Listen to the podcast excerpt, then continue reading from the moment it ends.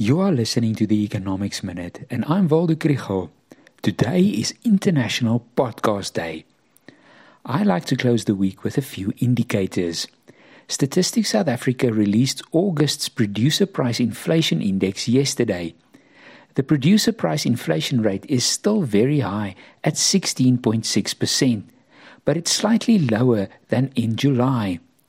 A slight easing of the pressure on prices is attributed to the decrease in the fuel price in August. Producer prices continue to be kept high, though, by the high prices of coke, petroleum, chemicals, rubber, and plastic products. The prices of food, beverages, and tobacco products are also much higher than a year ago. Yet it seems that producer price inflation has reached a turning point and that fuel price reductions in September and October will help this along further. In addition, producers will find it difficult to pass on some of these cost pressures to consumers.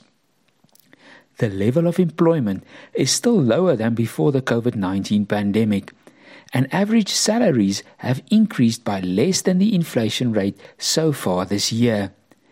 Data from the Reserve Bank's quarterly bulletin shows that real disposable personal income increased by just 0.2% in the second quarter. Household debt levels, expressed as a percentage of nominal disposable income, now stands at 64.6%, and consumer confidence is still low.